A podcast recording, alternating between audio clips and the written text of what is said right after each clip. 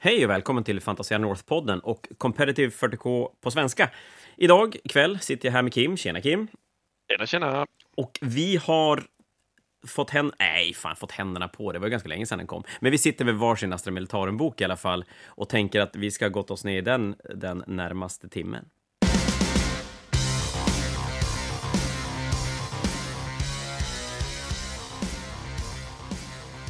Ja, den är jättemysig. Oj, så fin den är. jag är supertaggad. Ja, men om vi ska börja... Jag har varit taggad i nästan en vecka på att eh, få prata om den här boken. Och så är det fotbolls-VM, så kvällarna bara försvinner. Det är jättekonstigt, jag förstår inte. ah, alls. sånt tittar man inte på. Nej, ja, nej, absolut inte. Ja, vi lämnar det där. Eh, ja, för alla, ni, ni vet säkert allihopa att det har kommit en låda som heter Cadian Stands, som är en sån där armébox som GW släpper. Inte att blanda ihop med Battle Forces som släpps kring jul, utan en sån som innehåller boken när den är ny, lite nya gubbs, eh, datacards, tärningar, ja, det är lite blandat vad den kan innehålla mer. Eh, samma som Wotan fick, Slaves to Darkness och så vidare. Eh, först om lådan. Det är ju än en gång en, en magiskt vacker, fin låda, precis som Slaves to Darkness-lådan. Ja, alltså artworken på lådan, i lådan, alltså den, den är lite för bra. Det, det här inlägget de har i den, tyvärr så var min lite skadad när jag fick den. Men det skulle man kunna så här, rama in och sätta upp i hobbyrummet direkt. Jäkligt fin artwork. Ja, de är, har varit jättesnygga. Även Våtan-lådan hade en så här skitsnygg. Men, men ja, tyvärr så ligger de och trycker mot sprucen. Så de vill bli lite buckliga. Eh, Så, så att ni får be er lokala eh, leverantör av plastfigurer, Fantasia North, att öppna lådan och kolla så att den är mint condition. Jag är tveksam till att vi kan felpacka den till GV för att den är lite tillknycklad, men man vet ju aldrig. Tvivlar. De säger ju att de har bra customer service, så vi får testa den och se vart gränserna går. Ja, den väldigt bra. Boken, nej men vi kan väl börja med modellerna. Du får med, nu har de ju visat jättemycket nytt som kommer att komma och, och det är lite lurigt för att det är, nu är det ju definitivt min egen smak här, som, eller mina egna åsikter, men det är mycket nytt, det är jättemycket nya gubbar, men det är ganska mycket som man knappt märker är nytt när man bara tittar på det vid första anblicken. Ja, alltså till exempel den här nya kommissarien, den är lite för lik tycker jag en jag tror man fick med den i ett gammalt Baneblade-kit för. Eh, för att kunna ha ståendes på den. Det, första anblicken så ser de nya Cadians inte så speciella ut tills man tittar nära på dem och sen inser man att det är typ det snyggaste kittet de har släppt på evigheter. Det, det, ja, för det ska väl sägas så att det inte låter som att vi inte gillar de nya grejerna som kommer. Att när man väl börjar pilla på, på spruen, och framförallt om man jämför med gamla Cadian-spruen, även med den här senaste upgrade-spruen som kom för, för något år sedan, ett eller två år sedan, så är det ju en magisk förbättring av redan coola figurer.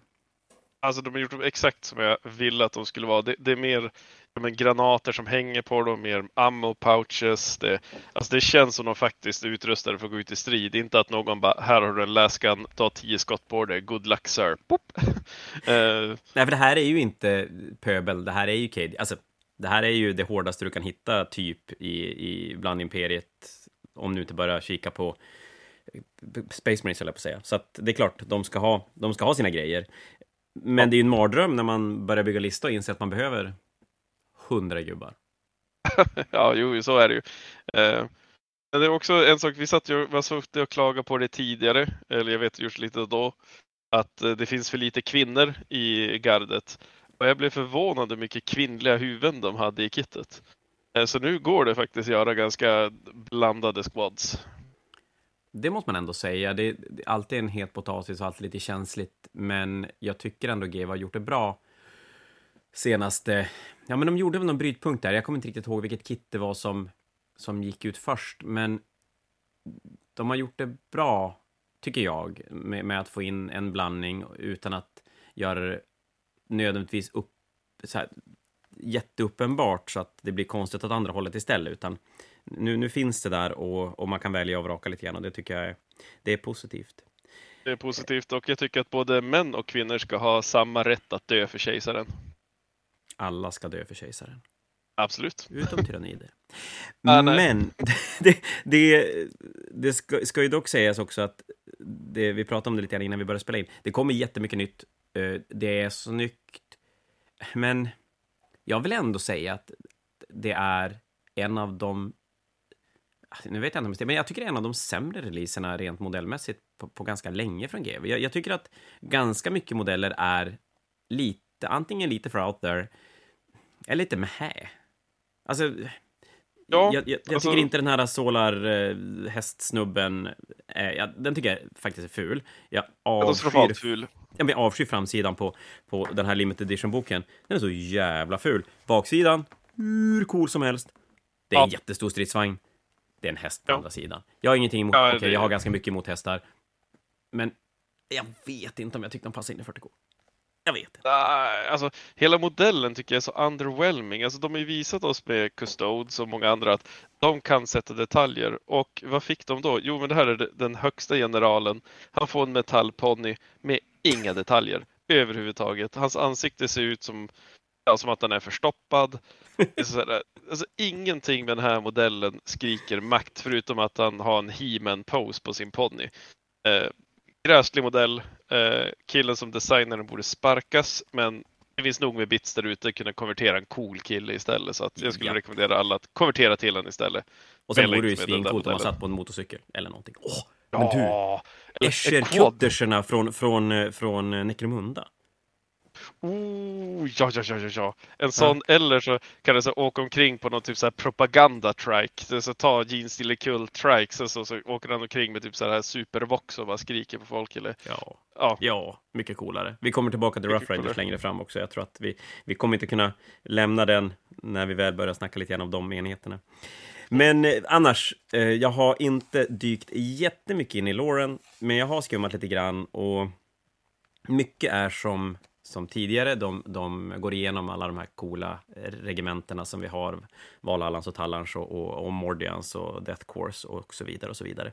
Eh, de pratar ganska mycket om Fall of Cadia, vilket jag tycker är coolt, för det är en storyline som för min del, den, den växer på mig ju mer jag läser om den. den. Jag vet inte om det blev lite mycket när allting, allting hände med Primaris och, och allting sånt, men, men nu älskar jag verkligen att grotta ner mig i detaljer kring hela Fall of Cadia och hur KDF försöker som på något sätt, eh, jag vet inte, Gemene mans hjälte blir de ju som. Alltså ja, det... men precis. Och ändå sådär visa att de är det coolest dude there's fast de inte har en planet. Typ. Ja. Jag vet inte. Men det är coolt. Det finns lite coola böcker. Space Marines. Ja. Är som ja. Space Marines fast för Imperial Guards. Ja, men exakt. Så är det. Eh, ska vi göra så att vi skippar den delen vidare och slänger oss in i det som för väldigt många ändå kanske är det mest intressanta med nya böcker, och det är ju reglerna. Ja, för det är coola regler. Det är coola regler. Det. Mycket regler. Typ. Ja, typ. Alltså det, det, är inte så farligt. Det är ju inte ja, men då du fick Adeptus Mechanicus-boken första gången i handen. Eh, men det är lite saker att hålla reda på och jag skulle nog rekommendera att ha markers för folk för att hålla reda på vad de faktiskt har gjort. Ja, eh. det, det bör man nog göra, för de säger det, det är inte Admec illa. Eh, men, och, och vi är ju ganska tacksamma, tycker jag, att även i den här boken så ser vi en, en strömlinjeformning av, av kodexar. De påminner väldigt mycket om varandra i, i upplägget. Och mm det gör ju att Stratagems till exempel, som för många har blivit lite ett, ett, ett, bekymmer att det kommer, det finns för många och det är svårt att hålla reda på. Där känns det som att GW har hittat en ganska bra plats, att det är de här standard Stratagemsen, eh, extra relik, warlord trait, bla bla bla bla, skjuta en extra gång. Eh, och så sen är det några... Fallback charge. Och ja, men exakt. Ja, men precis. De kommer tillbaka. Och så sen är det några arméspecifika. Det är några som är enhetsspecifika, vilket gör att om du bygger din lista och börjar kika på stratagemsen så inser du att det är kanske ett, ett, handfull som du behöver bry dig om och resten är sånt som du inte har användning av. Ja, precis. Uh... Men sen fyller de på med lite orders och grejer som, som du säger, ha, ha lite tokens redo för att kunna lägga ut dina, uh, ja, 3, 4, 5, 6, 7, 8 orders du kommer kunna ha per runda. Ja. Uh, men vi kan ju börja med the regimental doctrines, det vill säga att Valhallans och så vidare har försvunnit ur regelboken och ersatts med regler istället fullt rimligt. Jag vill förresten bara säga en sak som GV, och här vill jag tro att GV har lyssnat på oss. Vi säger så, de har lyssnat på oss. Mm. Crusade-delen är flyttad längst bak. Så nu bryter du inte upp regeldelen med en Crusade-del. Inget ont om Crusade, absolut inte. Men nej. även för Crusade-spelare, lika gärna som Matchplay-spelare, så måste det ha varit rörigt att de kommer här mitt i. Nu är de sist, eh, lätt att hitta, superbra. Ja, tillbaka till Regimental Doctrines.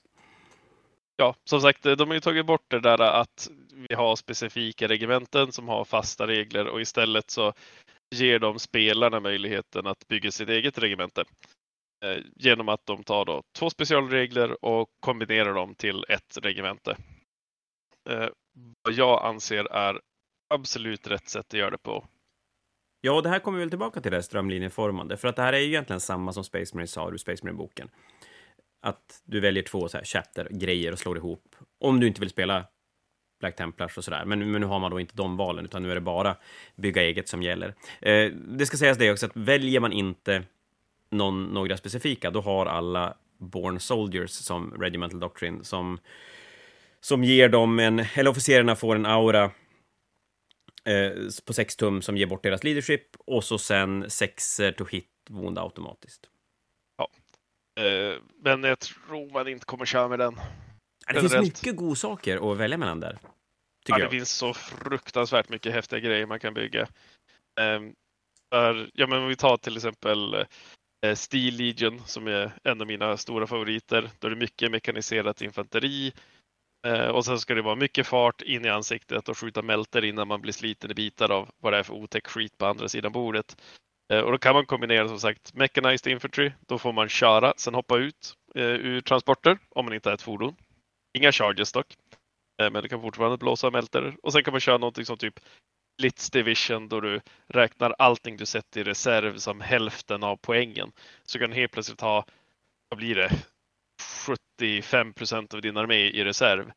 Så du kan ha sex stycken transporter med folk i. Du sätter fyra av dem i reserv och sen kommer de in från kanterna bara. Ja, hur många du nu vill sätta. Och det är ganska uh, intressant, för då har de ju sånt här strategem som, nej, ett, en Warlord trait som gör att du kan innan första rundan välja att plocka upp tre enheter och pula in dem i strategic reserve om du vill också. Så att det är klart, det lämnar ganska mycket möjligheter. Absolut, och om man vill hålla sig till det här tanktemat, ja, men man kanske inte vill ha så mycket reserv, ja men kör en armored superiority då istället. Eh, då så räknas eh, sentineller som tre modeller, jag tror Tanks räknas som 10, eller var det 5? Ja, precis. Mm, Titanic 10 och alla andra är 5. Ja, precis. Eh, och med orders kan man då göra dem obsec-fordonen, så då kan man gasa in med fordon som är obsec och räknas som 5-10 modeller tillsammans med infanterister. Och, och då är det bara som så här mekaniserat, men det finns jättemycket för att bygga rena infanterilister, rena artillerilister, så, allting man vill bygga så finns det grejer man kan plocka av. Vill du göra chemdogs, ja men då gör du dem närstridare och håller på. Uh. Ja, nej men du har helt rätt. Alltså det, det, de, de, har gjort det utan att säga att den här heter Katarsan så har de gjort det ganska tydligt att vill du bygga Katarsans eller Cadians och sådär, så, så, eller ja, så, så finns det rätt eh, doktriner för det. Och det är väldigt tydligt så att det ska vara väldigt lätt även för en ny spelare att så här, ja, men jag, ska, jag vill köra Talon Desert Raiders. Ja, men då är det Swift After the Wind och sen så vet jag inte riktigt mer. Vad är det typ Recon Operators kanske de kör? Ja, det bygger sitt eget. Så att nej, kanonbra tycker jag. Ja, men faktiskt, det, det här, det här är ett, ett schysst upplägg och det påminner som sagt om vad vi båda sett tidigare från, från olika gardesböcker genom åren och även egentligen alla andra kodexar som har kommit på slutet. Och det... Ja, men det är snyggt. Och med tanke på så otroligt jävla mycket enheter den här boken har att välja mellan så känns det ju som att vi ganska länge kommer att kunna hitta påskägg som oj, spelar jag det här tillsammans med det här? Det blir ju för jävla bra. Det, det, det känns som att det, vilken skillnad mot Våtanboken till exempel, som var den senaste vi snackade om, som mm. har, vad då, fem enheter att välja på här har vi bara, vi har sju olika super heavies. Passar ja, så att det, är det, det, det, är mycket, det är mycket grejer. Eh, nej, men så att eh, absolut, hitta era, era sätt ni vill spela spelet på och tola och, och vrid listan till att passa så bra som möjligt till det. Jo, jag, jag tror man kan spela det mesta i den här kodexen och göra ganska bra ifrån sig. Man tänker att många enheter, även om, om de inte är superbäst som det är, så är det ju få jättedyra pjäser. Vi kommer ju komma lite grann till det sen, men jag tänker så här Rattlings och grejer, eller Rough Riders. Det är ju inte jättemycket poäng, även om de i, i sig inte skulle vara superbra. Och 40K nu, det är ju aldrig dumt att ha en billig enhet som, som kan parkera någonstans och bara vara i vägen. Eller nu råkar du typ säga två av kodexens bästa units enligt mig. Ja, men, Både. Rough Riders och Rattlings. ja, det, det, var ju bara två sådana där två enheter som heter någonting speciellt. Så, så. Ja, okej, okay, så det är det menar. det, det, det blev bara dem. Eh, jo, nej, det är sant, de är nog faktiskt ganska bra och, och jävligt snygga också. Eller så tar ja. vi det sen. Eh, nästa, nästa grej i boken, eh, Stratagems, eh, upplägget är ju precis som de andra böckerna och eh, som, som jag sa tidigare att vi har de här klassiska Stratagemsen, eh, skjuta igen, eh, fallback and charge och lite sådana saker. Men du hade hittat några mysiga saker här som vi kanske skulle peta lite extra i. Ja, vi har ju först... Jag tycker det de har gjort bra i den här boken det är att det känns verkligen som Imperial Guards i strategemerna. Till exempel Fire on my position, då, då en kille med en radio dör, då så ställer den in en airstrike och alla inom tre tum från honom har D3 Mortal Wounds på 4 plus. Ascoolt. Den är jättecool. Uh, jag, jag, måste säga, jag ska avbryta dig en snabbis bara och säga, är det bara jag, eller känns det lite grann som att det var väldigt mycket defensiva stratagems? Ovanligt mycket defensiva stratagems? Eller det kanske bara var jag som fick den ja. känslan? Jag tycker också det känns som det är mycket defensiva, men också fler sätt att kontra då du blir attackerad. Eh, till exempel den andra, nu hittar jag den inte riktigt, men det är den då du får skjuta in i närstrid med en unit. Mm, den är ju uh. jätterolig. Den, den säger helt enkelt att du, om, om du inte är i, in, i engagement själv, då får du välja en enhet som är i engagement range med dina enheter och så får du skjuta på den. Och slår du, du får inte rerolla någonting alls. Slår du ettor till hit, då träffar du dina egna och så får du välja själv. Du får allokera dem bland dina enheter som är i närstrid. Jag för mig att den blir billigare om du har den här Grim Demean. Här är den. Acceptable Losses heter den. Namnet är eh, slående. Och jag tror det är så att man måste ha Grim Demeanor. Ja, det är hur som helst. Det, det är ascoolt. Eh, och som sagt, det är också defensivt. Jag, inte själv som gammal Admec-spelare just det där att man kan sätta upp en köttvägg som tar chargen.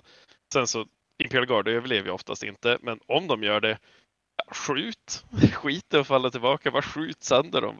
Propp. Men Eller är de... det så att du får skjuta in i en enhet, Ogryn som så boxar på någonting, så får du skjuta in i den enheten också? Eller var de tvungna att eh, vara... Om de har, ska Green... se, jag tror det de måste ha Grim Demeanor om det inte är en platon. Ja, just det, och de är ju inte en platon i alla fall. Nej, då kanske det är så att du vill inte skjuta in en enhet i närstrid där ogränsarna står. Det blir jävligt dåligt Ja, du kan ju inte om du tar... Ja, och därtill du... Ogren slår ju troligtvis ihjäl det den eh, tittar på. Så kan det också vara. Men det är en... Det är en, en härlig strategi. Och jag tycker det är ganska kul att de har hållit på det där eh, till den här boken, för det finns väl ingenting annat som skjuter in en närstrid? Gör det det?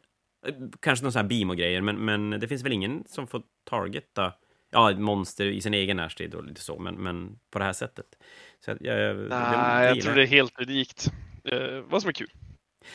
Jag måste säga att en annan som jag, du ska få snart få ta din nästa, men då kliver jag emellan för att då kan jag få visa att jag också har jag tänkte säga koll, men det har jag inte. Men jag har läst i alla fall. Eh, orbital interference, då du kan bara ja. säga nej till motståndarens eh, deep strike eller strategic reserves. I runda 1 och 2. Det är så jäkla bra. Det är så jäkla bra. killen gör bort sig och sätter upp sina 10 Terminator som är buffade eller vad det nu är för monster unit. Och man bara, nej. Då kommer inte den här turen. Bara, Ja, men det måste ju, det måste ju fucka upp så otroligt många gameplans. Jag, jag tänker eh, Space Wolf, eh, Deep Strike Droppods runda ett med, med, med Bloodclaws är en ganska vanlig grej som händer. Alltså, jättemycket saker. Eller bara komma in med några grejer för att ta en, en gage till exempel och så bara, nej, då får jag inte komma in i runda två. Så då, ska man, då måste allt in i runda tre och så sen får man bara göra en eh, rodd eller, eller vad det nu kan vara för någonting. Ja, alltså det är jätte, jättebra. Alltså, görs bra om man har den. Vi kommer att prata lite mer om här attachés man kan fästa i command squads. Eh, Ja, för du är måste ha det. Vi- kommer tillbaka till det. Ja. Eh, några fler strategier som, som sticker ut? Det finns egentligen två. Det ena är att man får fallback och chargea och jag tror till och med skjuta med Ja, du får välja Riders. att skjuta eller charge. Ja, fast inte den som är den riktigt så här oj oj oj så överdrivet bra det är. Och den som är överdrivet jäkla skitbra det är Overcharge Last Cells. Ett command point och eh, då är det wound rolls av 6 gör ett mortal wound. Men om du skjuter med en hot shot weapon. Så där är det, var det Kasserkins eller Tempus Scions gubbar som Ja. gör det. Kasukins eller Tempest Scions. Eh, men det fina, jag, nu, nu minns jag inte, jag, jag hittade en tidigare att man kunde ju göra lite sådär lite shenanigans så att Ja, men du man har väl- kunde... Risken är att vi pratar fel nu kanske, men, men du har väl framförallt om du spelar originaldoktrinen då, då sexer to hit wound automatiskt och räknas som en sexa to wound. Ja, just det. Så där har du nummer ett. Du Sen kan finns det få... plus ett och hit genom en order, så då är det femmer och sexer autovondar och gör ett mortal wound. Det finns, det finns en, för en command point kan du, kan du lägga en command eh, på Born Soldier som gör att det blir 5 plus istället för 6 plus. Ja, eh, just to det. hit blir, blir 6 to wound. Eh, och så sen har du möjlighet att ge dem, jag tror att du kan ge Kasserkins tre skott var. Eh, Ja, det är det. Det, det fyra i uniten kan ha de här äh, repetande äh, laserkanonerna. Eh, Så det är fyra av dem kan ha tre skott var. mm. Utöver de som har två skott var. Eftersom det kommer vara på rapid fire range. Och det blir så kopiöst mycket mortals. Ja, och så, så finns det, det finns någonting, nu är jag lite osäker om det kan vara låst till en, en specif specifik typ av enhet, men det finns en som gör att istället för att få rapid fire, du, då, då får du två skott på rapid fire oavsett. Du, du skjuter alltid två skott med ett strategem. Så att, jo, men det är klart, du kan vräka iväg ganska mycket och så sen, det är max sex mortal wounds med den här strategemet men det är per enhet du skjuter på. Det är inte för din enhet, så att du skulle ju kunna splitta elden och på så sätt få ännu mer mortal wounds när du skjuter. Och så kan du väl Ja. skjuta igen med dem också. Ja, om, om de stod still. Eh, Men då har du sänkt för- ganska mycket command points i den här enheten. Ja, men sen så, jag för mig att man kan få dem att skjuta och stå still och jag för mig det finns eh, ett sätt att eh, göra att de står still. Men jag, jag är inte helt hundra på den interaktionen. Eh, för det finns en doktrin man kan ha för att göra det. Men generellt, det, det är kopiöst mycket mortal wounds och jag tror faktiskt det är typo. Jag tror inte det ska vara att man gör mortals på varje unit man skjuter utan det kappas på sex wounds på själva uniten. Jag skulle Annars tro är det- det. det, det, Annars är det alldeles för spicy. Jo, jo, men det, för spicy. det blir ju hemskt om du kan droppa ner dem med en Valkyra och så sen bara brappa in Brapp! wounds överallt. Det, det, jag tänker, men det känns lite grann som en, en FAQ-grej, att det ska vara Ja. sex, sex mortal wounds för enheten som skjuter. Oavsett om det inte är det, så är det ju inte...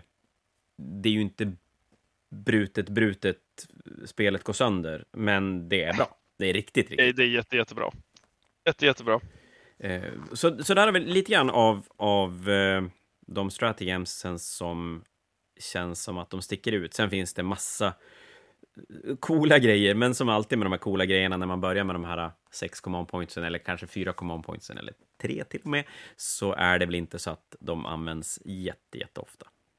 Nej, och, men jag tror dock att Imperial Guard kan vara en av de arméer där du har mest command points av alla. Det finns så himla mycket sätt att få command points. Ja, men det känns lite grann som att de är tillbaka till hur det var tidigare. För, för det är ju en armé genom historien som har, har haft möjlighet att få mycket command points. Och det känns som att de kommer tillbaka lite grann till det på ett sätt som har plockats bort från väldigt många arméer. Mm. Och Fast jag vet inte om det är medvetet eller? sundare. Alltså, jag tycker ändå det är lite sundare, för de har ju eh, ett warlord trait som gör att man refundar på en femma då man spenderar ett command point. Eh, och sen så har de ju en attaché som gör att du kan få ett extra command point. Eh, för då kommer jag mycket command points. Mer Ja. än någon annan. Behöver de det? Jo, men det tror jag. Eller att det, Jo, det tror behöver jag. och behöver, men Alltså- det är bra. Alltså det, det, det behöver de. Alltså det, de har så mycket. Det är fortfarande bara Imperial Guardsmen. Alltså de behöver ju allting för att överleva i, på slagfältet. Eh, så att jo, de behövde. Ja, du har nog rätt. Eh, de har ju en grej som gör att du kan få använda eh, command re-rollen två gånger per, per fas istället för bara en gång. Om du vill slösa ännu mer command points. Ja, ja men de får massa gratis, vad fan, då är det bara att köra. Det, Ja, det, Men vi kommer till Warlord Tradesen, där finns det ju en del att välja på och spontant i den här boken så... Jag vet, jag vet inte, men det, det kändes inte som att det fanns så himla mycket så här uppenbart det här är bäst val, utan det, fanns, det kändes som att alla delar fanns det fler, flera saker som ändå blev spännande. Ja, alltså det, då, då vi, vi hoppar till Warlord Traitsen. Eh, det är lite så här, ja men frontline combatant. Alltså ja, det är ju ascoolt att göra en fight i Commander. Men det är fortfarande bara en Imperial Guardsman. Alltså det kommer inte att gå upp mot Abaddon och tro att det kommer ske något. Eh, spelar ingen roll hur många extra hits han får när han slår sexer eller att han får ett bonus på, på wound roll. Det, han kommer ändå bara dö i närstrid. Eh. Säger du att Abaddon är bättre än en, en uh, Gardes officer?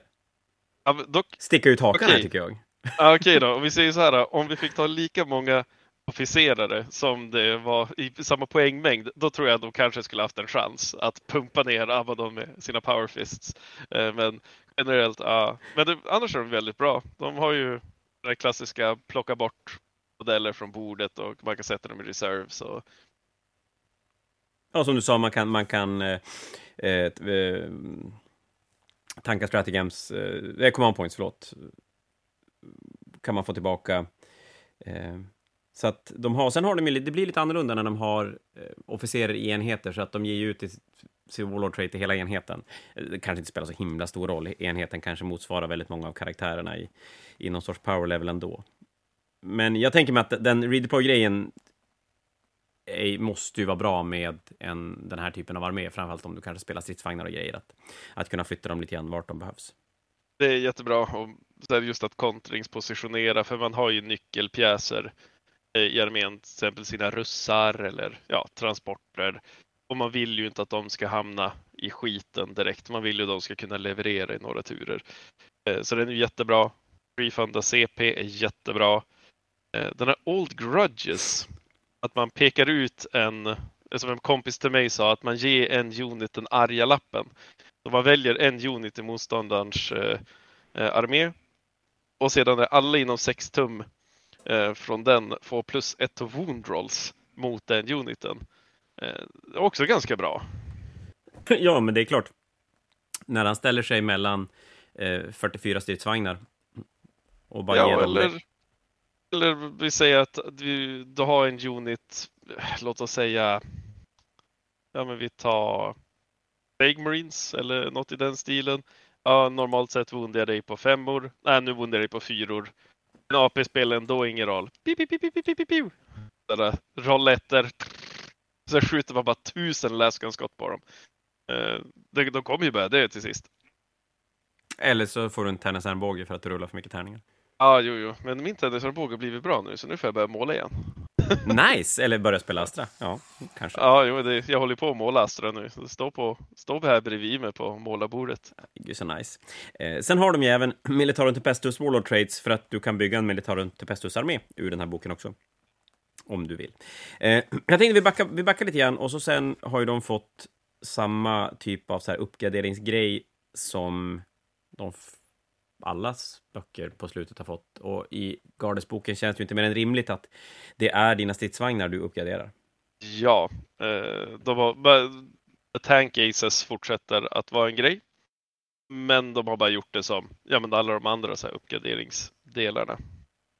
Ja, precis. Du betalar poäng extra och du kan även göra det på Super Heavies och Super Heavies är dyrare att uppgradera än, än eh, vanliga stridsvagnar. Du kan få Transhuman, du kan få 5 plus Invo Save. eh, Det är samma dock. Nej, det är Transhuman, det är 5 plus Nej. Invul Save och en 5 plus Feel No Pain. Eh, riktigt bra. Det, Eh. det är bra. Eller som sagt, Transhuman är ju bra också. Du får inte ge samma till, till flera olika bilar i din lista, utan du får dela upp dem på olika. Eh, det är inte så mycket att säga om dem. Alltså det är uppgraderingar. Har du en stor Rogel Dorn eller en, en Super Heavy, ja då är det ju värt att dutta dit det. Eh, men, eller en Tank Commander. Ja, den 5 plus är ju, det känns som att det kan vara någonting man, man kommer att använda. Ja, den kommer jag alltid ha. 5 plus, fin, 5 plus Invul och Philo Paid. 25 poäng på en vanlig tank, 35 på en Super Heavy. Absolut. Rullar jag en Rogel Dorn då kommer den ha det. Är Roland Thorn, är det räknas som en Super Heavy? Eller är den vanlig? Ja, den är vanlig. Den är vanlig, ja. Eh, ja, vi ska komma här med, med stridsvagnar och 40K just nu. Det är ett... Eh, det är ett annat tankesätt kring designen för stridsvagnar nu än det är om vi backar till typ Space Marine-boken. Men det kommer vi till på en liten stund. En sak, de har ju även Psykers eh, och en egen psychic-disciplin. Och jag var så här när jag läser igenom den här boken, man bara, äh, Psykers Imperial Guard, vi hoppar över det, skräp. Men de har en del ganska, ganska smaskiga spells faktiskt. Ja, en, alltså Terrifying Visions som vi pratade om innan vi började spela in här.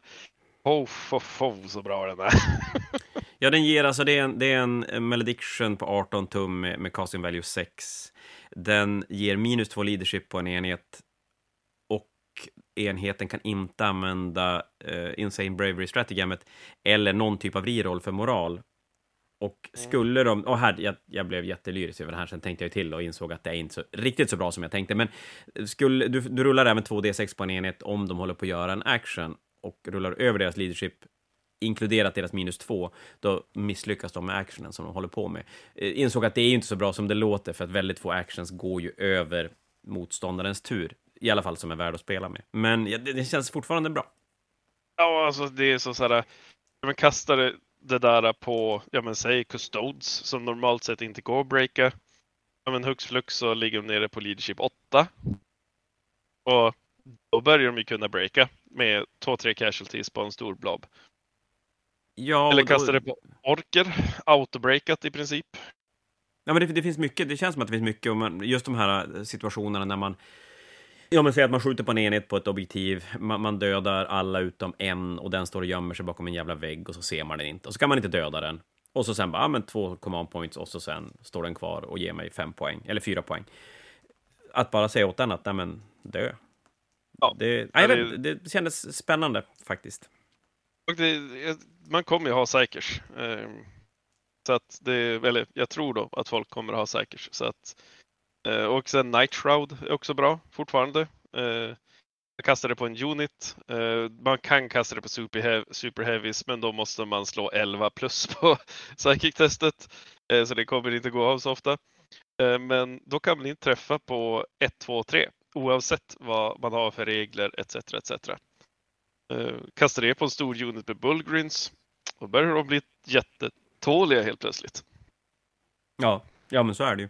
En fundering där om, om det här är någonting som jag missar eller om det brukar vara så här. För med den här då får du alltså välja, eh, du, du, väljer spel, slår spellen och efter du har sett om du får igenom den, då väljer du vilken enhet av, av dina som ska bli effektad av den.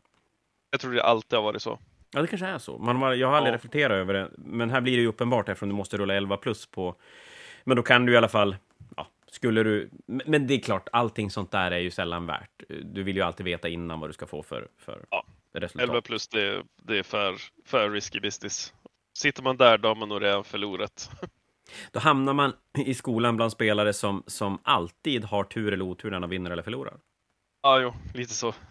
Det, och det är för ett annat avsnitt. Därför då ja då blir vi så himla salty så att det, det släpper vi. Eh, sen har de en som, som eh, sänker moment med två. Eh, både vanlig move och advanced charge med två.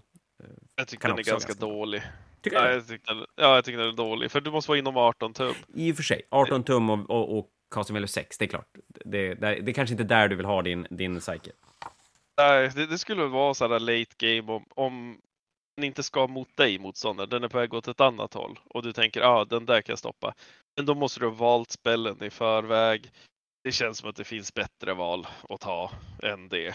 Ja, för där märker man ju att det inte är en psychic influera, eh, det är inte en armé som bygger kring psychic facen, för den har ju inga stratagems som, som på något sätt buffar din psychic face, utan det är ju de här spelsen och dina billiga mojker som du har. Ja, och det, jag har inte hittat någon relik som gör att Psychic känns intressant. Så att det, nej, alltså det, det, det är lite sådär, gardet har Psychic. Det, det, det är rätt bra Psychic powers, men man, man räknar nog med att läskan och bajonett löser striden, inte dina spellcasters. En spellcaster kan ju alltid vara en roadbump för motståndaren på vägen fram, så det tar lite längre tid för att komma fram och slåss, kanske. Om inte annat lite victory points då de ska döda karaktärer. Ja, men det är ju bra, det vill man ju ge bort. Eller hur? Ja, för all, alla kommer att ta assassinate mot, mot dig. Alltså ja, men det, det, lite... man men, men däremot skulle man ju kunna spela en, en för deras psychic är ju inte jättedyra. Spela dem för att kunna spela psychic interrogation själv. Kanske. Absolut. Kan ju vara Absolut. En, en tanke. Ja, och just det, på tal om... Ja. Ja, en sak, ett, ett, ett, jag måste hoppa tillbaka till Stratagems, för här har vi någonting som faktiskt är kompetitivt. Det är, jag tror den heter Field Promotion. Eh, då din Warlord dör, genererar du direkt en ny Warlord. Och den första Warlorden räknas inte som din Warlord då den dog. Så att du kan tekniskt sett offra din Warlord och sen så bara, nej men nu är den här killen min Warlord istället. Eh, den är, den är sneaky och riktigt, riktigt bra. Ja, det kan ju spara ett poäng för dig på en Assassination, till exempel. Ja. ja och som du säger, att... alla kommer ju spela Assassination mot, mot Astra. Alltid. alltid. Alla kommer alltid spela Assassination. För det är... Det är nog en nackdel med den här armén. Eh, vi ska komma till det, men eh, att den inte... Att den är, den är svår att bygga utan att ge bort uppenbara sekundärer till motståndaren. Du, du, du, eh. du ger dem den där sista som, som man oftast vill att motståndaren ska ge. Eh, men... Ja, men det, det är också det här, ja, om du kan skydda dig, om du har lärt dig spela, ja men då kan du nog undvika att offra dina karaktärer också, för du har jättemycket köttväg att gömma dem bakom. Ja, så är det. Och det är klart, det är mycket gubbar om du spelar det, så att det kanske är ganska lätt att stänga av andra sekundära som motståndaren normalt sett kanske tycker att de ska klara. Att... Ja, det, det, är mycket billig skräp som kan stå i backline eller någon artilleripjäs och så helt plötsligt får du inte deepstrika. Och, ja, jag, ja, vill du deepstrika dem bara, nej men glöm det, kommer undan tre istället din jävel. Ja, just det. Ja, jo, det. ja och sen så svärd Ja, den är, kastar alltså, kastar hel... måttstocken och tärningarna. men alltså vilken djävulsk... Om, om man möter en Garde-spelare som är en sån här uh, Gacho-spelare, uh, Alltså, för jävla förbannad man skulle kunna bli om man ska komma ner och så nej, men just det, alltså jag spenderar, du får inte. Ha. Ja, om man har, vad heter han, är det Master of Reserves? Nej. Master of uh, Orden, nej, nu ska vi se, det är, jag vet vart den är. Officer of the Fleet. Officer ja, of Officer the of the Fleet, ja men exakt. Sätt inget dyrt i Deep Strike, för han kommer att stoppa dig. Ja, ja, ja men absolut. Ja, är den med så är det ju till för det. Och jag tror, jag tror att den kommer vara med. Det, det känns ja, det så. tror jag också. alltså, det måste vara så bra mot, mot vissa typer av lister att ha den där äh, extra, extra grejen. Och många, många lister kör ju tunga deep strike-grejer som att dimper ner och gör någonting. Alltså varenda turnering stöter ju på det. Eh, så att... Men du, demoner? Åh gud, stackars. Ja. Jag tänkte säga, för, för de är väl, nu har de ju ändå bra, nu kommer ju Flamers att bli dyrare snart, men still, de bygger, känns som att de bygger väldigt mycket på att kunna just droppa ner närmare med korn eller, eller vad nu, droppa ner med flamer, skjuta ihjäl vad som helst. Ja. Att inte få komma ner runda ett och, eller inte komma ner runda två, det gör ju lite skillnad. Det gör det ju absolut. Hm. Eh, ja, ja som sagt, det finns mycket spännande. Eh, reliker, jag har inte, jag har för dåligt minne för att läsa reliker och sen komma på om det var någonting spännande. Var det något spännande reliker? inte vad jag hittade om jag ska vara helt, alltså det är som säga, ja men Gatekeeper, eh, en gammal klassiker, den är fortfarande bra. Det är, en, det är som Battle Cannon eh, som har ja, med Heavy D3 plus 6, styrka 9, AP minus 3, Flat Damage 3. Den är fortfarande bra. Eh, igen, alltså temat fortsätter här att det, är mycket så här små supportgrejer som tweakar din lista lite grann åt något håll. Så att det var i och för sig en sak här som jag, jag fastnade lite grann vid, eh, trots att jag inte kommer ihåg vad jag läser. Eh, Kurovs Akilla, som är once per battle efter din motståndare använt ett, ett stratagem, eh, förutom command reroll, så kan du knäcka den här och säga att det där stratagemet blir ett dyrare för resten av matchen. Jag vet inte om mm. det är bra fortfarande när man generellt sett kanske använder lite färre stratagems. Eh, jag vet inte, men... men... Ja, mot vissa, alltså mot Knights. Knäcker den då de gör Rotate Iron Shields. De kommer bara slita ja, sitt hår. Um, Jag vet inte, det finns flera som... mer som har de här obligatoriska alltid använda stratagemsen. Kanske. Ja, det bra fråga. Ja, det, det kanske är en sak som, som kan vara värd att ha i sin lista för att stöka till det. Eh, sen finns det ju även de här som gör att du får kasta en extra order. Eh, vi kommer att komma till ordersystemet. Spontant känns det väl som att ordersystemet är... Ja, men det, det kanske måste spelas mer för att, för att avgöras vad som är, är bra och, och sådär med det. Men, men det, det, det ger väldigt mycket möjligheter och val till listan. Ja, och det, jag tycker att just orderna, de kan verkligen knuffa en unit från att vara bra till att vara helt sjukt bra. Ja, men vi, det är väl exempel. egentligen det vi kommer till, så att vi skulle egentligen kunna gå igenom ordersystemet, för det är ju också en ganska klassisk grej från Imperial Guard, Lastra Militarum. Jag tror att det har funnits från fjärde editionen kanske och framåt. Det, det, är väldigt, väldigt länge som det har funnits varianter på, på de här ordrarna. Och då är det så att du har, du har dina karaktärer, om vi förenklar lite grann, dina karaktärer kan dela ut ordrar du, lite som Psychic Powers, du kan dela ut x antal orders, men du behöver inte slå för dem. Du, du klarar dem automatiskt. Eh, du, olika karaktärer kan ge ut olika mängd orders. Det finns tre olika ordertyper. Det finns regimental orders, det finns prefectus orders och så sen finns det me mechana, me jag kan inte prata. Mechanized. Mechanized orders, tack så hemskt mycket. Eh, och det är väl då eh, prefectus orders, det, det står på, vilk, på modellerna vilka, vilken order de kan använda och varje sån här tabell eller vad man ska säga lista har eh, sex stycken orders att välja mellan. Och som sagt, samma enhet kan inte påverkas av flera order, så slänger du en order på en enhet, då är det den sista ordern du slänger som, som är den som gäller. Jajamän. Och du gör dem i din command face, right? Ja, du gör i command face, eller om du är i en transport, då får du göra det då du hoppar ut med karaktären. Då får det du med den. Det är, det är jävligt så... coolt. Ja, det var ju den som sålde mig, så att jag ska göra rent mekaniserat. Att det, det ska vara, jag kommer vara skitdålig på armén i sex månader, men jäklar, jag är helt säker på att då jag, då jag får det att klicka, då kommer det här att bli bra grejer. Det finns ett play där, det finns ett play där någonstans. Ja, någonstans. Vad har vi för ordrar då? Det är ju, vi känner ju igen de här, det är First Rank, Second Rank Fire, det är... Eh, de har ändrats. Men, men eh, namnen är densamma, men, men eh, ja. ändras. Har vi några spännande som, som du känner att vi ska titta lite närmare på? Det är två av dem är ju direkt intressanta och det är ju Take, Aim och Fix Bayonets. Eh, båda är egentligen samma sak. Den ena är bara för shooting, den andra är för melee.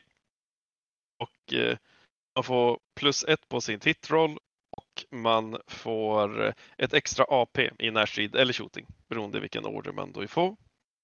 Eh, och det är jätte, jättebra. Alltså kopiöst bra. Eh, om man tar till exempel även Hot Shots. De har väl AP1 i grund om mitt minne inte sviker mig nu. Eh, ja, minus 2, då får du en minus 3 läskan. Helt plötsligt. Eller, det börjar göra ganska ont. Ja, då gör det förbaskat ont och då kommer du helt plötsligt att träffa på 2R eh, med dem. Och har du någon buff där så kan du få rerolls ifrån dina eh, kaptener. Eller vi kan ta Rough Riders som helt plötsligt kommer att träffa på två i närstrid. Och om de kör med sin eh, Melta-tipp så kommer de, de ha AP minus 5, damage 3, styrka 8 på chargen. Um, jag förutspår ja. att det dör saker då. Ja, det dör kopi eller ännu värre om du chargear in i någonting mjukt och kör frag-tipp. Då kommer alltså minus 2 i save och få fyra attacker per kille. Pang kommer det låta på allting Träffar de två då? De träffar tre i grund eller? Ja, träffar tre i grunden närstrid. Två är då de chargear in. Ja, det är bra. Ja. ja det är så, så kopiöst bra. Det, och det är just det där, de tar en unit som är så här, mm, det här är bra, men med den där orden då går de över till vansinniga. Eh, de dör ju fortfarande hur enkelt som helst, men damage outputen kan bli otroligt hög. Men det är kanske uh. det som gör att den här boken inte kanske nödvändigtvis känns som att den är helt superknäckebruten, att det är fortfarande, när vi, alla, när vi pratar infanterienheter eller, eller kavalleri eller vad det nu är, så, så är det fortfarande gubbar som dör. Nej, det är papier-maché. Det är typ allt utom Ogrin säger papier-maché och tanks. Och då är ju frågan i händerna på folk som klarar av att placera sig rätt och verkligen få ut att hela tiden trada bra. Då kan det bli jätte, jättebra. Jag, jag tror den här armén kan trada med den bästa. Fy fan vad jag inte ska spela Astra. alltså, sjukt jag stryk ska få. Jag är så himla taggad. Det här är ju exakt som jag tycker om att spela 40K så att jag är sjukt jäkla taggad. Tyranniderna är lagda in i skafferiet på att säga. Nu är det Ja, men Tyrannider är inget bra ändå. Usch, är dålig. ja, precis. De är dåliga. det är därför jag har fem poäng på karantänfanatiken nu. Men det för en tyst historia. Ja, eh, prefectus orders, det är alltså kommissarordrar, eller? Ja, kommissarier kan göra prefectus orders eh, ja. istället. Eh, ja, alltså det, det här är det en som är direkt intressant. Det är eh, Get Back in the Fight och det är att eh, eh till du kan fortsätta berätta om här. Jag, måste, jag ska hämta ett glas vatten, du kan fortsätta prata. Ja, eh, men då kan man helt enkelt fallback och shoot eller charge, eh, vad som är fruktansvärt bra. Eh, men det är egentligen inte, nu då, då det har gett mig fria tyglar så är det ju inte den jag vill eh, prata om utan jag vill prata om mechanized orders och sen så är det, åh oh, gud, nu ska vi hitta den här. Har du berättat alla bra saker nu? Nej, nej, jag pr pratade bara om uh, fallback, en shoot eller charge med get back into the fight med Prefectus orders. Uh, och sen så är det ju Gunners kill on site på mechanized orders som är jätte, jättebra. Uh, man får rerolla ettor to hit. Så att då är det träffa på tre, rerolla ettor på, eh, på vanliga Lehman Russes. De har blivit otroligt mycket bättre eh, enda orden i Mechanized som är bättre är enligt mig är Shocken A. Eh, och då får man Objective Secured på ett fordon. Ja, men just det, det var det du pratade om, att man skulle kunna räkna som fler modeller på, på objektiven med någon av de här doktrinerna. Ja, det är ju Armored Superiority i kombination med den, för då kör du in en en, eh, vad heter den, Taurox för vad är det, 70 poäng den kostar, ja men då är den tio modeller, eller fem modeller som är obsec som bara zup. Ja, det är ju ingenting man riktigt bara tvärdödar. Det är inte som fem stycken eh, gardesgubbar. Nej, nej, den är ju lite tåligare. Visst, du, du dödar den ju om du vill, men kan inte bara plinka lite bolters på den och tro att den försvinner, utan den, den kommer sitta där. Och sen då du förstör den, ja grattis, nu har du tio stycken obsec-gubbar istället du måste döda. Jaha, Okay. Och så kan man slänga, nu kanske du nämner den, ur Prefectus Orders, at all costs, när du kan få ob obsec på en enhet. Eller dubbel obsec om de har obsec sen tidigare. Ja, jo. så att, eh, du kan bara fortsätta. Det blir lite knivigt. Eh, för då så måste du liksom hoppat ut med uniten, springer fram med en annan transport, hoppar ut med kommissarien, kastar orden på dem. Eh. Då kanske man måste vara lika duktig som jag på att spela för att det ska funka. Ja, det, det, det, finns mycket så här finess i den här boken. Eh, framförallt när du börjar köra med transporter, tror jag. Där det är mycket så här, med vilken ordning gör man det, hur placerar man sig? Och det gör mig jätteexalterad. Jag vill spela jättemycket i Imperial Guard. Och med så mycket gubbar som man har så det går ju jättebra att screena. Men det är klart, screenar du dåligt så då kan ju de här gubbarna lika gärna vara en, en, en börda för dig som någonting positivt. Absolut. Och det, det, det kan vara lite lurigt, men det gör det ju egentligen bara roligare när böcker är bra, men inte bara, bara enkelt bra. Ah, nej, det här är inte enkelt bra. Och jag skulle säga kommentar på orders för att avrunda dem. De har gjort det enklare på fler orders. Alltså det, jag, jag, tycker om systemet. Det är inte att du måste slå något leadership-test eller något sånt nonsens. Och Nej, det, Nej för det här bara, bättre. du bara delar ut dem eh, med, med, lite range och, och, sådär. Men det är som du säger, och det är väldigt, jag tycker det är väldigt tacksamt att man gör det i command-facen generellt sett för att det blir, det blir lättare att hålla reda på. Lite rörigt kanske om man har börjat flytta gubbar och sen bara just det, jag ska lägga orders. Men, ja. och, och så sen att det, man ser till att man har sina fas. man har sina, sina markers redo. Eh, för det kommer att vara väldigt rörigt att hålla reda på vilka som har vad. Annars. Ja det, det här är ytterligare en markerarmé. Ni, ni behöver markers. Lite grann där figurspel generellt sett har landat, känner jag. Ja, men det, det är bra tycker jag. Alltså, om man tittar på, nu, nu har jag ju provspelat lite 30K igen. Och men utan sådär buffar och så vidare, det blir ett ganska enformigt spel. Eh, det har sin charm också, självklart. Eh, men det är kul att lägga lite buffar där och ha lite micro som händer. Och det viktiga är ju att de gör det microt som de har gjort det här, att det går fort och enkelt och det slowar inte ner spelet nämnvärt utan du gör det command face, du kastar dina orders, sen är det klart. Ja, och, det, och när du väl ska använda orden, alltså på den här enheten, ja men då kanske som du säger, du har plus ett och hit. Ja, men det tar inte längre tid att träffa två plus än att träffa tre plus. Nej. Egentligen. Det, Slå inte ner spelet. Nej, eh, och det, det, är ju, men det är ju ganska, det här är ju egentligen ingenting med Astra-boken att göra, men oavsett, en, en tydlig grej med om vi tar då 40K till exempel, det är ju att ju längre in i edition vi kommer, ju mer gnäll kommer det på att det är för mycket regler, det är för mycket strategems, det är för mycket av allt möjligt. Men jag tror att om de allra flesta tittar sig själva i spegeln och säger att okej, okay, skulle du vara nöjd med att få en ny bok som inte har det här lilla extra, som inte har den där enheten som kan göra lite grann. Du skulle helt enkelt bara få den där indexet en gång till. För många pratar ju om att till exempel att 40K i 8 var bäst när det bara fanns indexar. Den, den är ganska vanlig faktiskt. Men ja, vet fan om det skulle vara så kul att få sin tyrannidbok och så bara, ja ah, men det här är mitt index fast med fyra sidor lore också. Man bara, yeah, yay!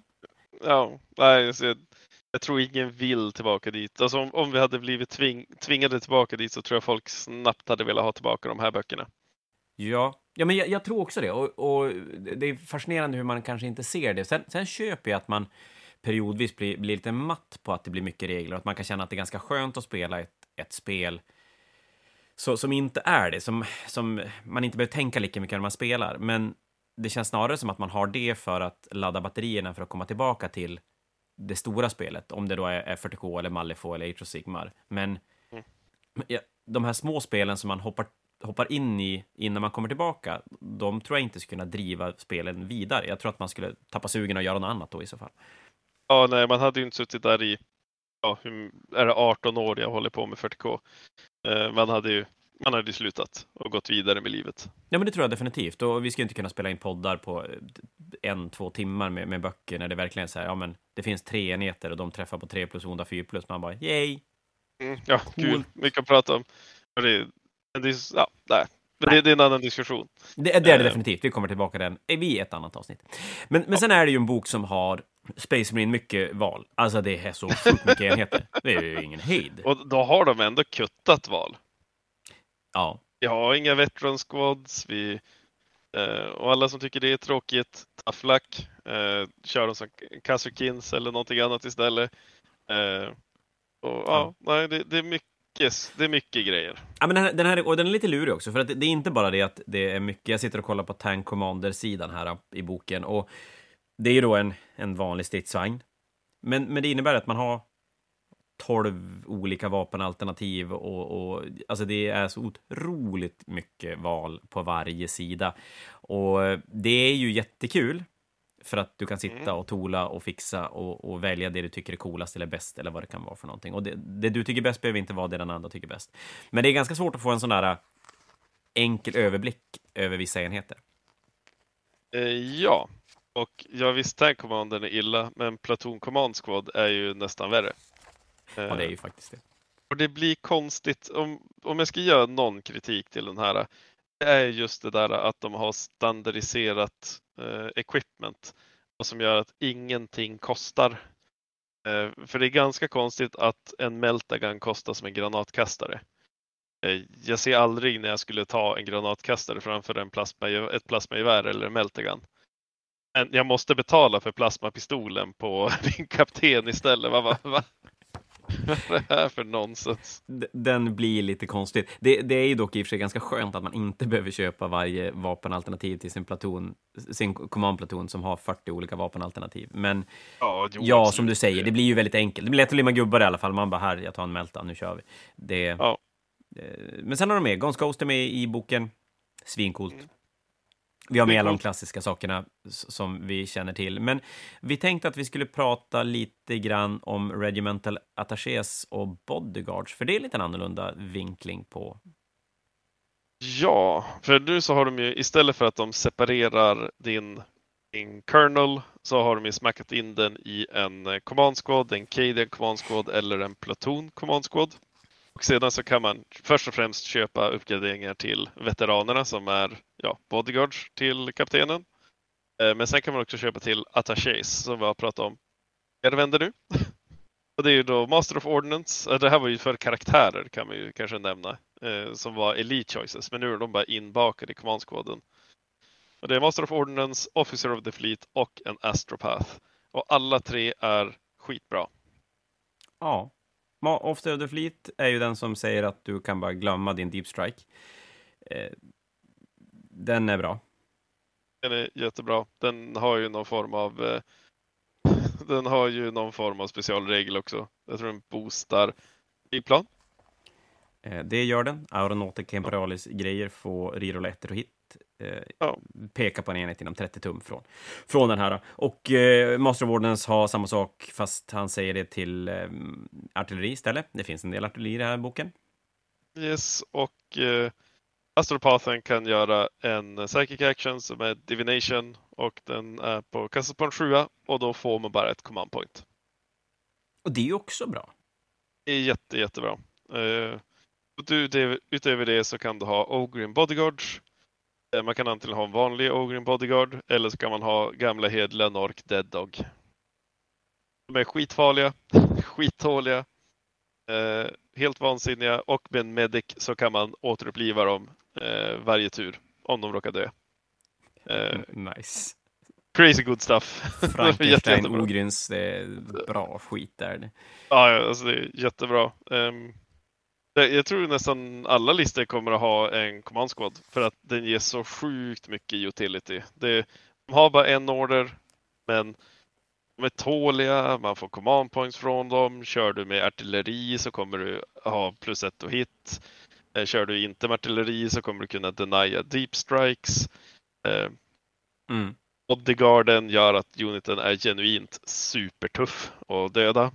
Det en 6 wounds, toughness 5, antagligen 2 plus save eller en 4 plus inbull den snubben. De återlivas varje tur för ett command point. Som du får av astrofaten om du, om du klarar din psychic action. Eller så har man Warlord Traitor så man kan refunda det på 5 plus utöver det. Så att, ja, jättebra unit. Uh, Tålig, en... stor, ryms sin transport. Ja, det är ju nice. En fundering. Har de fortfarande så att de inte får minus ett och hit på sitt artilleri när de skjuter indirekt? Eller är det nu som alla andra? Så vitt jag har förstått det så är det minus ett och hit. Alltså, det, ingenstans står det ju att uh, de har det i regelboken, att de ignorerar det här minus ett och hit. Ja, det måste du göra. Det ju, Sen så är det ju i eh, doktrinen, alltså finns det ju en artilleridoktrin som ger, tror det, plus ett och hit. Gud. Stämmer nog bra faktiskt. boken, var har vi den? Expert Bombardiers. Each time artillery model in this doctrine makes a range attack if the target of that attack is within 12 inches off and visible to a friendly voxcaster or sentinel add one to the attacks hit roll. Så det känns lite grann som att de kommer att flytta över det dit istället. Men ja. Det alltså, du kan tola listan mot, mot det i så fall om du vill, men, men det kanske inte är så himla värt. Framförallt ja, så alltså, jävla tråkigt. Det känns ju lite crazy att man skulle helt plötsligt få börja njuka folk på 3 plus eh, med artilleri. Då går det från att vara balanserat och bra till ganska crazy. Ja, det, det, har du helt rätt i. Och som, sagt, som du säger, det borde ju stå i boken om de ignorerade den minus, minuset och hitten, för det gjorde det väl tidigare. Eller ja, det var en FAQ som sa att de, ja, de sket i den. Ja, så att vi, vi, vi, får se vad GV säger. Jag antar att tekniskt sett så gäller den fortfarande, men jag tvivlar den kommer göra det då, då nya facken kom. Nej, det tror inte jag heller. Det, den lär definitivt plockas bort. Eh, när ja. vi kollar Troop Choices sen då, då har de en, ett vanligt Infantry Squad och så sen har de Cadians, Death Course och Katashans som Troop Choice.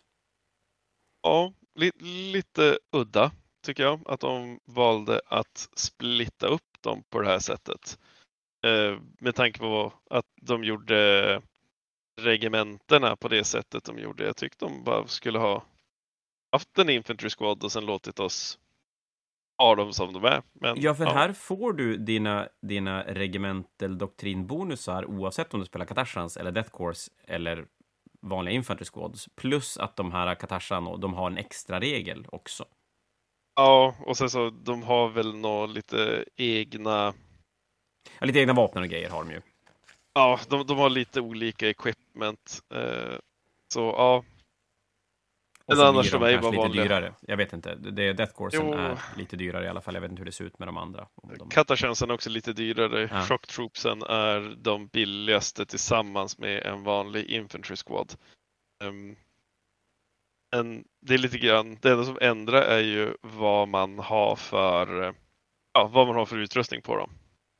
Ja, och så kan inte Cadians kan inte till exempel ha Heavy Weapon. Det kan då en Infantry Squad ha. Ja, och ett korps kan ha snipers, Katachans har flamers. Är det det som är deras Mm. specialare? Eller kan de ha sina, Eh. sina um, Melta bombgrejer? Nej, det kan de inte ha. Det är flamers. Nej. Men de har, jag vet inte vad som är speciellt med dem. Jag har inte tittat så närmare på dem. Ja, de får, I dem. har de sexer, ger extra träffar to hit i. Gör det. Aha, ja, det är ju det är som deras grej. Eh, och sen som sagt, sen är det en, en drös med små elitenheter. De har kvar Regimental Engineers, de har Servitors, de har kommissarer och så vidare, och så vidare, och så vidare. Eh, Ja. Men här, jag nämnde två enheter lite sådär i förbifarten och jag plockade två väldigt bra enheter, säger du, och det är då Rattlings och eh, Rough Riders. Och där Rat Rattlings har ju som funnits med, funnits med alltid tillsammans med Bullgryns, eller Ogryns har det ju alltid hetat då. Ja. Och Rough Riders har funnits, försvunnit och kommit tillbaka ja, till vissas Det dröm och vissas mardröm. Ja, lite så. Alltså det, jag skulle säga att de, de tre bästa unitsarna är ju på de här två sidorna då du slår upp Rough Riders, Rattlings och Bullgrins. Eh, vi kan börja ta Rough Ridersarna då, för de är nya. Och de är ju en snabb närstridsunit helt enkelt. Eh, som vi nämnde tidigare, de kan få otroligt mycket attacker eller otroligt hårda attacker. De träffar bra. Eh, enda problemet är just det där att det är fortfarande en Toughness 4, 2 wounds, 4 plus save gubbe som kommer där galopperandes. Han är ju lite exponerad, eh, minst sagt.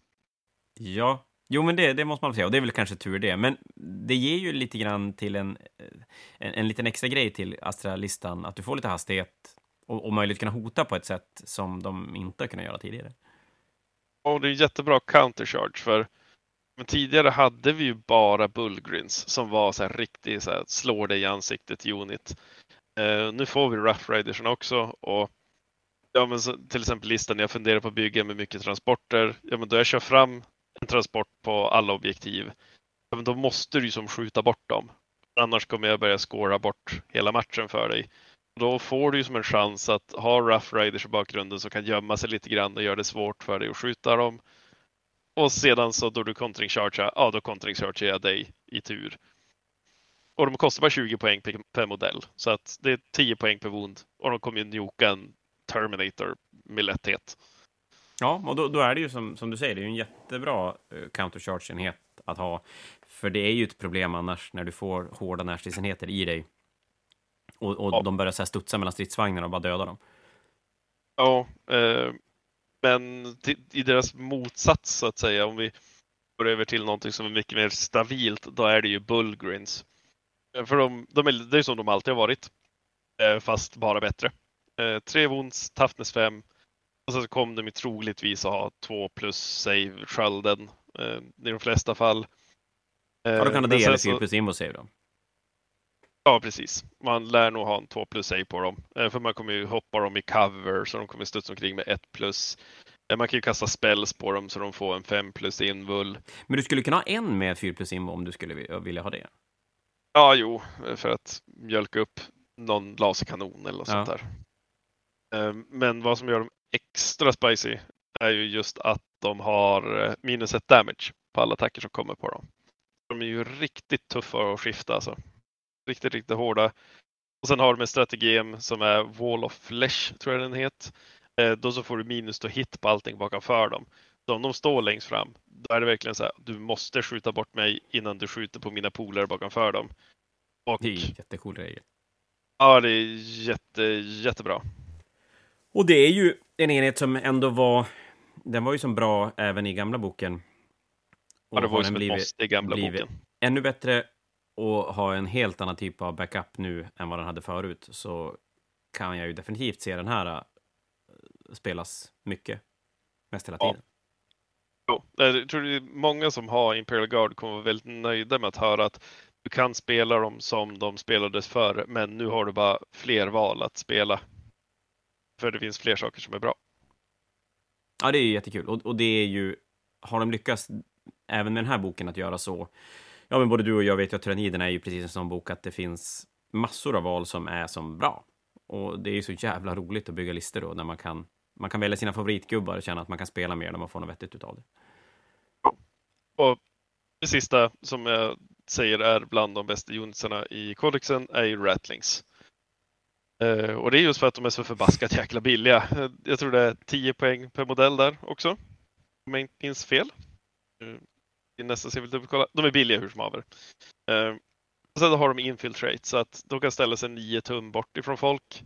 Och de har gratis den här då de blir chargade så får de göra en gratis move. Okej. Okay. Ja, det är ju jävligt schysst att kunna använda dem för att stänga av lite brädor från början eller parkera på ett, på ett objektiv i början på matchen och så sen bara springa därifrån när, när, det, när det börjar osa hett. Ja, och det är ju ofta det där att folk räknar, om du tar Thousand Suns till exempel, de räknar ju nästan med att de kan få chargea in på objektivet i början på sin, om de går tvåa så får de chargea in på objektivet. Och sen så helt plötsligt så, ja men jag chargear dina Rattlings, äh, springer de iväg och bara okej, okay, eh, då står jag in på objektivet då, attans. ja just det, för det de kan göra då, de kan, de kan skjuta Overwatch och så kan de springa. Och där kommer vi tillbaka till det. Då är det ju bra att du har ganska lätt att få command points för att du vill kanske spendera då command points för att skjuta Overwatch med dem, bara för att kunna springa sen. Och som jag har läst regeln så är det också att du kan gå 10 tum med dem, för du gå, skjut, gå. Eh, ja, ja, alltså en gång per tur efter du har skjutit får du göra ett normal move. Ja. Det är det som står. Så du kan ju ställa dem ganska defensivt, så gömd ganska långt bak och sen så hoppa fram, snipa lite grann, hoppa bort eller springa tillbaka in i ruinen. Här har vi inga så restriktioner som eldar har att de inte får skutta omkring så du kan ha tio av de här bara hoppa upp och bara och sen bara hoppa tillbaka in. De måste ta och kolla på, på Battlesuits och bara nu jävlar, nu har vi löst ja. det, hur det här ska bli ja. bäst. De är ah. skitbilliga. Och det är så här, superbra unit. Ja, ja men, och den enheten, den typen av enheter är ju, som du säger, alltid bra. Och de är ett Elite Choice, så att de, de bråkar kanske inte nödvändigtvis med jättemycket andra val. Det är Bullgryns och sen kanske två enheter Rattlings då, som man skulle kunna med lätthet slänga in utan. Cancerkins. Men sluta nu, nu ska jag vara smart och säga någonting. Äh, skit i det då. Eh, Okej, okay. eh, vi rullar vidare. Ska vi bara hoppa till stridsvagnarna? Jag tycker vi hoppar till stridsvagnarna. För, här, för ingen bryr sig om Sentineller. Även om de, är, de har blivit mycket bättre, säger jag bara. Så vi är färdiga med dem. Så går ja. vi vidare till stridsvagnar. Rogal Dorn Battle Tank. Rogal freaking Dorn Battle Tanku. Ja, vilken bäst!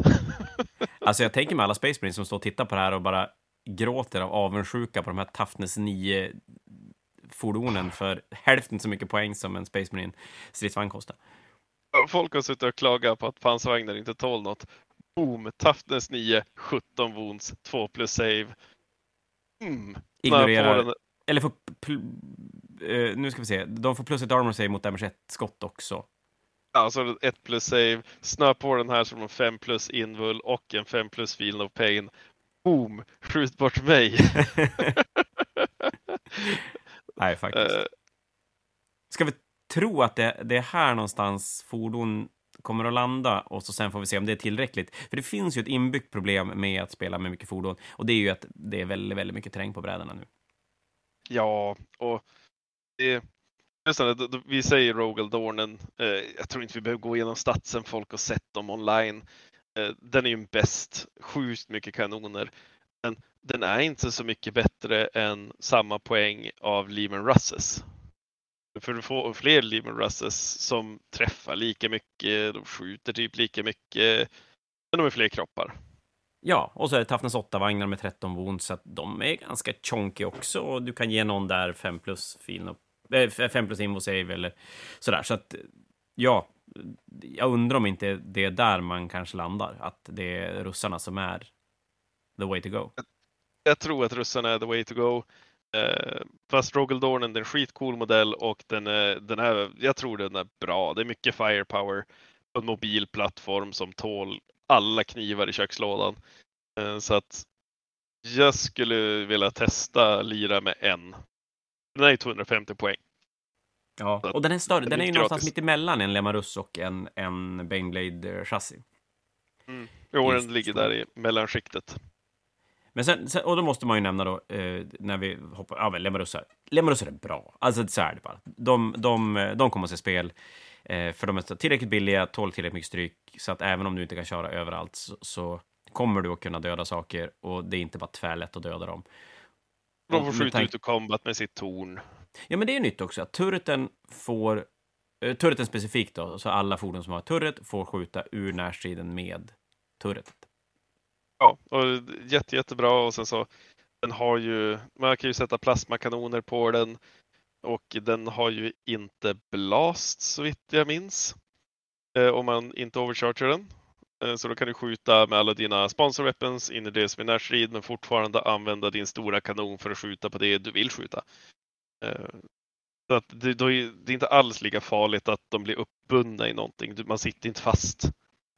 Nej, och det är bra. Och så sen som sagt, du har ju eh, lite Rough Riders för countercharge om du behöver rensa upp bland, bland dina stridsvagnar. Mm. Men sen har du med lite saker som jag tycker är lite roligt. Eh, De har ju kvar egentligen alla stridsvagnar som var med sen tidigare, eh, eller alla stridsvagnar som var med förut är med. Och de har kvar basilisken med sina 240 tums range. Det är, man bara, Ja. det är ju jättegulligt att ni varför inte bara skjuta oändligt. Sen har de ju kvar Deathstriken eh, och den får ju då skjuta oändligt långt. Hallå? Ja, jo. Ja, eh, den får skjuta oändligt långt. Mhm. Eh, de har gjort om den. Den är, den är ju fortfarande dum, men de har ändå försökt i alla fall. Och, och den funkar då så att den här Death Strike-missilen är en one-use only-missil, in a way. Men istället för att Mm. skjuta den som vanligt så gör du en action i din command phase och sen lägger du ut en marker för din missil. Jajamän. Och sen i shooting phasen, då kan du antingen välja att om den här marken ligger ute så kan du i shooting phasen välja att den ska landa och då har du som förbrukar din death strike. Om du inte vill att den ska landa, då kan du i din command phase välja att flytta den där eh, markören. Eh, och så sen innan matchen börjar, tror jag... Nej, Master Army, så där gör du ju när du bygger din lista. Då väljer du mellan Godspear Warhead, Plasma Barrage Warhead eller Vortex Warhead. Eh, och ska man ha någon så kanske det är Godspear Warhead man vill ha. Ja, kanske. det är det. Eh, Absolut. För, för då gör du så att när den då landar, då slår du en D6 för varje enhet inom tre tum från den här markören. Eh, på 2 till 3 så tar de 8 mortal wounds. 4 till Boom! 5 tar de 12 mortal wounds. Och rullar du en boom! sexa så är det 18 mortal wounds. Gasplatt! Jag säger, jag har en hypotes. Den här modellen är skitbra. Tror du det? Eh, Jajamän, jag, och jag baserar det på exakt samma sätt som jag baserar varför jag tycker att Biowars är hur bra som helst. Om du sätter den här på ett objektiv, din första tur, boom, på motståndarens sida av objektivet. Då kommer aldrig att gå på det objektivet. Nej, det är ju rätt. Och om jag har förstått det rätt här, så även om du lyckas döda den här pjäsen, så den där Death Strike-missilen, den är där ändå. Oh. Ja. Eh, ja, men det är ju en du- action. Uh... Att- Nej, just det, du måste välja att skjuta med. Sorry, du måste välja att skjuta med. Så Ja. den måste finnas kvar, Death Striken. Ja. Det som, det som Och- kanske talar emot det där, det är att den kostar 160 poäng. 160 poäng, vad är det? Den har en Men bal på slottet. listor Ja, det, var- det var precis. Det var var en bal på slottet. Var en Death Strike. Eh, ja visst, den är 160 poäng. Lite spicy, men den här units kostar typ 50-60 poäng styck. Du kör mycket infanterister. Och vi tar förra fanatiken. Och vi tittar på Death Watch där. Vad gör han om du sätter tur rätt bara här, i ditt fort. Där kommer missilen landa. Ja, i och för sig. Ja, han Det- måste gå fram. Och då har, då har ju du fuckat upp för han. För han bygger ju på att få alfa-striken. Att jag kan stå i min deployment zone och bara scora massa poäng. Du måste komma fram och sen skjuta bort dig. Helt plötsligt är det tvärtom. Du sitter i din deployment zone, rigid command och hela det och bara ja, jag tar alla mina command points varje tur. Kom fram då. Kom Och så fram. sen där mid-tape har du, har du Rattling som håller objektiven och när motståndaren börjar komma nära, de bara "Well, fuck it, och så springer de därifrån. Det- Och så sen Så om de börjar flytta bak. sig från objektiven, då kan du bara flytta den här Death Striken till nästa objektiv och så bara, ja men kom här då. Kom, kom här då. Ja. Nej, jag vet. Ja, Ja, du kanske har rätt. Nej, det vore ju skitcoolt. Det, det vore ju så jag- dumt och roligt. Jag tror det finns, jag tror det finns play i den här. eh, och jag är skitsugen på att prova att spela med två. Jag sätter dem på alla objektiv hela tiden. Sen kör jag fram mina egna tanks på dem. Och så bara, "Ah, kom då, slå sönder min pansarvagn. Sen nukar jag skiten ur det. Det, det blir ju aldrig så uppenbart att den här, när motståndaren slår en sexa eller en etta, så det svänger ganska hårt. Så här, du tar ingenting, eller du tar 18 mortal wounds. Ja, ja, men det, jag har ju en heavy bolter på den också va? Visst är det en heavy bolter? En där? Jajamän. Ja, men Eller en heavy flamer. heavy flame. Ja, då kör vi en heavy flamer på den, går fram och bara bränn folk. 11 wounds, man kan göra en obsec. Amazing. Ja, där har vi det. Vi har hittat, vi har hittat det. Vi bröt boken. Ja, ja, jag, jag är helt övertygad. Death Striken tror jag faktiskt är ganska okej. Eh, Ja, det vore ju roligt, för det är ju en jättedum pjäs. Den har ju ingenting Ja, den- 40K att göra. nej, nej, nej, den är, det är skitdum. Men nu tror jag faktiskt för första gången någonsin att den nästan är spelbar. Alltså förstå när du, när du lägger ut den första rundan på motståndarens objektiv någonstans. Och så sen slutar det Ja. med att du smäller ner den på ditt eget objektiv för att det är det rimligaste. Och så landar den här jävla deathstriken typ på din egen deathstrike. Ja, Self-nuking. Eh, jävla ja, Ja, ja, det, Ja, så kan det vara. Eh, no, några, om vi, om vi, vi släpper den. Nej, jag kan inte släppa Mm, den. Jo, vi släpper den. den är asbra. Uh, Den, är fantastisk. Eh, det ska även sägas idag under dagen revealar de att det kommer en ny Aegis Defense Line också, för den är också med i boken. Så du kan köpa det som ett, en fortification. Nu är alltid fortifications lite luriga, för att det är inte alltid man får spela med dem eh, hur som helst och sådär. Men, men eh, när man får göra det kan det vara ganska bra pjäs att kunna ställa ut. Och du får ju som alla covers från den. Ja, Eller ja, du får ju alla covers ja du får alla. Kan. från den. Du får fan Ja. allt från en skog till en ruin. Ja, och, Och den ja, och kostar det- inte jättemycket poäng. Eh, borde typ kosta 50? Eh, Den kostade till och med 40 poäng. Jo. Ja, 40 poäng. Det, det är ju som gratis. Om man kör så här tung infanteri, om man går den vägen. Ja, men sätt sådana där i hela din frontlinje. Så att allting ligger bakom en Aegis Defense Line.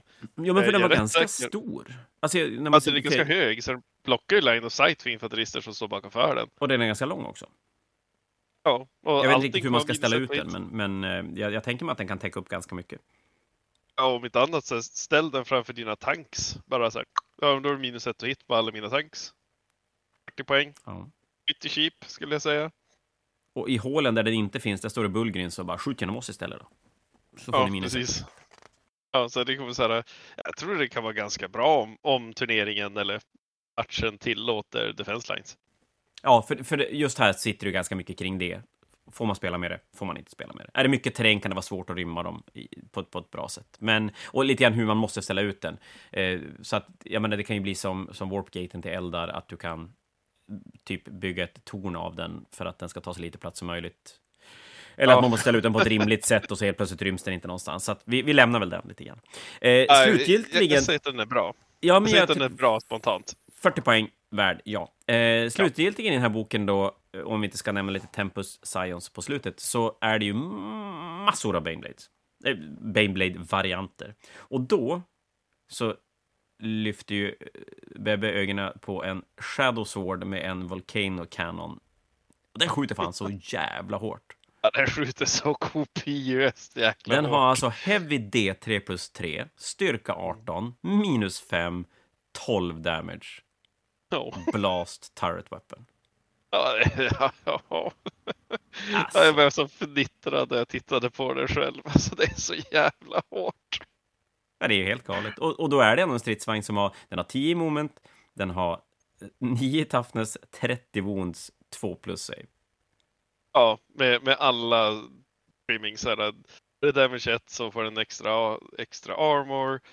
En Du, du kan kan- ge den 5 plus en plus feel of pain med och invul. invo save och grejer, så att den, du kan ju göra att den inte dör. Alltså, och, och, men menar, börjar man titta på Knights till exempel, den sänker ju, den snittar ju ihjäl en Knight. Ja, ja. Absolut. Eh, Och den andra Knighten, den dödar du med en Death Strike. precis, för du slår en sexa. Bara... Ja, ja, ja, ja, ja. Och vi kom tillbaka, det är därför jag har fem poäng på karantänfanatiken efter tre matcher. Jag rullar inte sexa. Ja, det är därför. Eh, nej, men och Banebladesen-varianterna är ju svår att säga någonting om, kan jag känna, för att Ja. där blir det ju väldigt svårt att veta hur de kommer kunna röra sig på brädet. Och är det värt 450 poäng som inte lämnar deployment zone? Ja, alltså troligtvis så är den ju... Hon har aldrig velat, velat den lämna deployment zonen för att, ja, den är för dyr och för att så här, offra för att någon råkar komma åt den. Mm. Ehm, Men det är ju det där, Baneblade chassit är för tjockt för normala bord. Och så vitt jag vet så har de inte fixat reglerna för den, så minsta lilla gud vet vad så sitter den fast där. Ja. ja. Jo, men så är det ju. Det, det står något litet sket framför och den bara, jaha, men skit i Ja. den här grotten då, då står vi och väntar. Den kommer ju Ja. dö när du skjuter den här styrka 18-12 damage-skottet på den, men ja, det kanske inte är där du vill lägga det krutet. Ja, eller dina last cannons och heavy bolters som du också betalar extra cash för för att riktigt pimpa den till tusen. Ja. Nej, jag, jag tror väl att spontant känns det lite grann som en... en det, de, är, de är ju gulliga och roliga och, och är ju dödliga som fan. Men det, det är en meme. Ja, spelar ni spelet där man, där man, eh, man ställer ut sina arméer och ser vem som rullar bäst tärning och dödar mest, ja, då är den bra. Det är också så här, en Shadow Sword, det är 20 stycken Rough Riders. Eller det är 20 Rough Riders och karaktärer till. Eh, jag tror jag hellre kör 20 Rough Riders än en Shadow Sword. Okej, det är nästan tre Death Strikes. Och det är tre Death Strikes. Det är Say no more. med Shadow Sword. Ja, say no more. Eh, Men sen har de, eh, nu, där var vi faktiskt färdiga med själva Astra Militarum-delen och, sen kommer det några sidor med Militarum Tempestus-enheter. Och jag jag har faktiskt inte hunnit läsa på just hur det här funkar. De är lite gråton på de här sidorna, så att det syns ju att det är någonting annorlunda man kommer till. Ja, jag har, ska erkänna att jag inte heller kollat nämnvärt på dem för att jag har jämfört eh, Tempestus Scions mot Kazukins och så sa jag bara ja, de här har Deep Strike. Eh, och det är bra. Men det är väl ungefär där det börjar och slutar tror jag. Det, det här är dina Deep Strikers eh, till armén och ja, Taurox Prime då om du vill köra missilbatteri bilar. Jag har inte tagit en närmare titt om jag ska vara helt ärlig. Eh, för jag var inte så intresserad av det. Då killgissar vi inte kring dem. Vi, vi har Nej. väl vi har diskuterat tillräckligt mycket Death Strike så att vi kan nog vara nöjda ändå.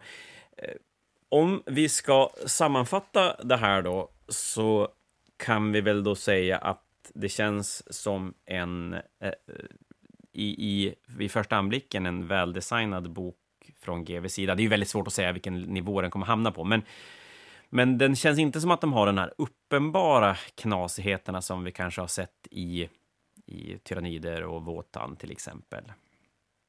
Nej, jag har inte hittat några som helst konstigheter i boken. Eh, Den, kä- det känns som att den har tänder eh, på många olika sätt. Bra tanks, bra infanteri, bra buffar. Eh, Ja, bra balanserad bok. Med en ful framsida. Ja, Ja, jo, jag, jag har alltid baksidan uppe. Det är den som är cool att titta på. Eh, nej, men som du säger, att, att eh, det känns välbalanserat. Det kan säkerligen vara väldigt, väldigt, väldigt bra i händerna på folk som klarar av att manövrera omkring massor av gubbar, att lägga orders i rätt ordning på rätt plats, att stå på rätt ställe i command-facen för att få den där plus ett och hit, eh, eller vad det nu kan vara för någonting. Det, det, det blir inte nödvändigtvis bra för alla, men jag tror att gillar du Astra Militarum eller Imperial Guard så har jag svårt att se att du är besviken över den här boken. För att de flesta enheter känns som att... Eller de flesta enheter som jag tror att Astra-spelare vill, vill spela med känns spelbara. Jag tänker mig att Servitors och Engine Series och grejer är kanske inte det du har gått igång på när du har valt Imperial Guard som din armé. Ja, nej, eh, framförallt så tror jag att folk kommer bli väldigt glada för att det- det finns fler legitimt bra spelstilar och det kommer kännas kul även som en casual player att ta fram sina, ja men lite mer udda tanks, typ Death Strike Missiles och köra massa transporter eller infanterihorder eller ja. Alltså det, det kommer kännas kul att sätta upp det mot annat. Ja, och det är väl egentligen en, en bra sammanfattning och någonting som är väldigt, väldigt viktigt. Att det ska vara, det ska vara kul. Oavsett lite grann vad du vill ha ut av ditt spel så ska det vara roligt.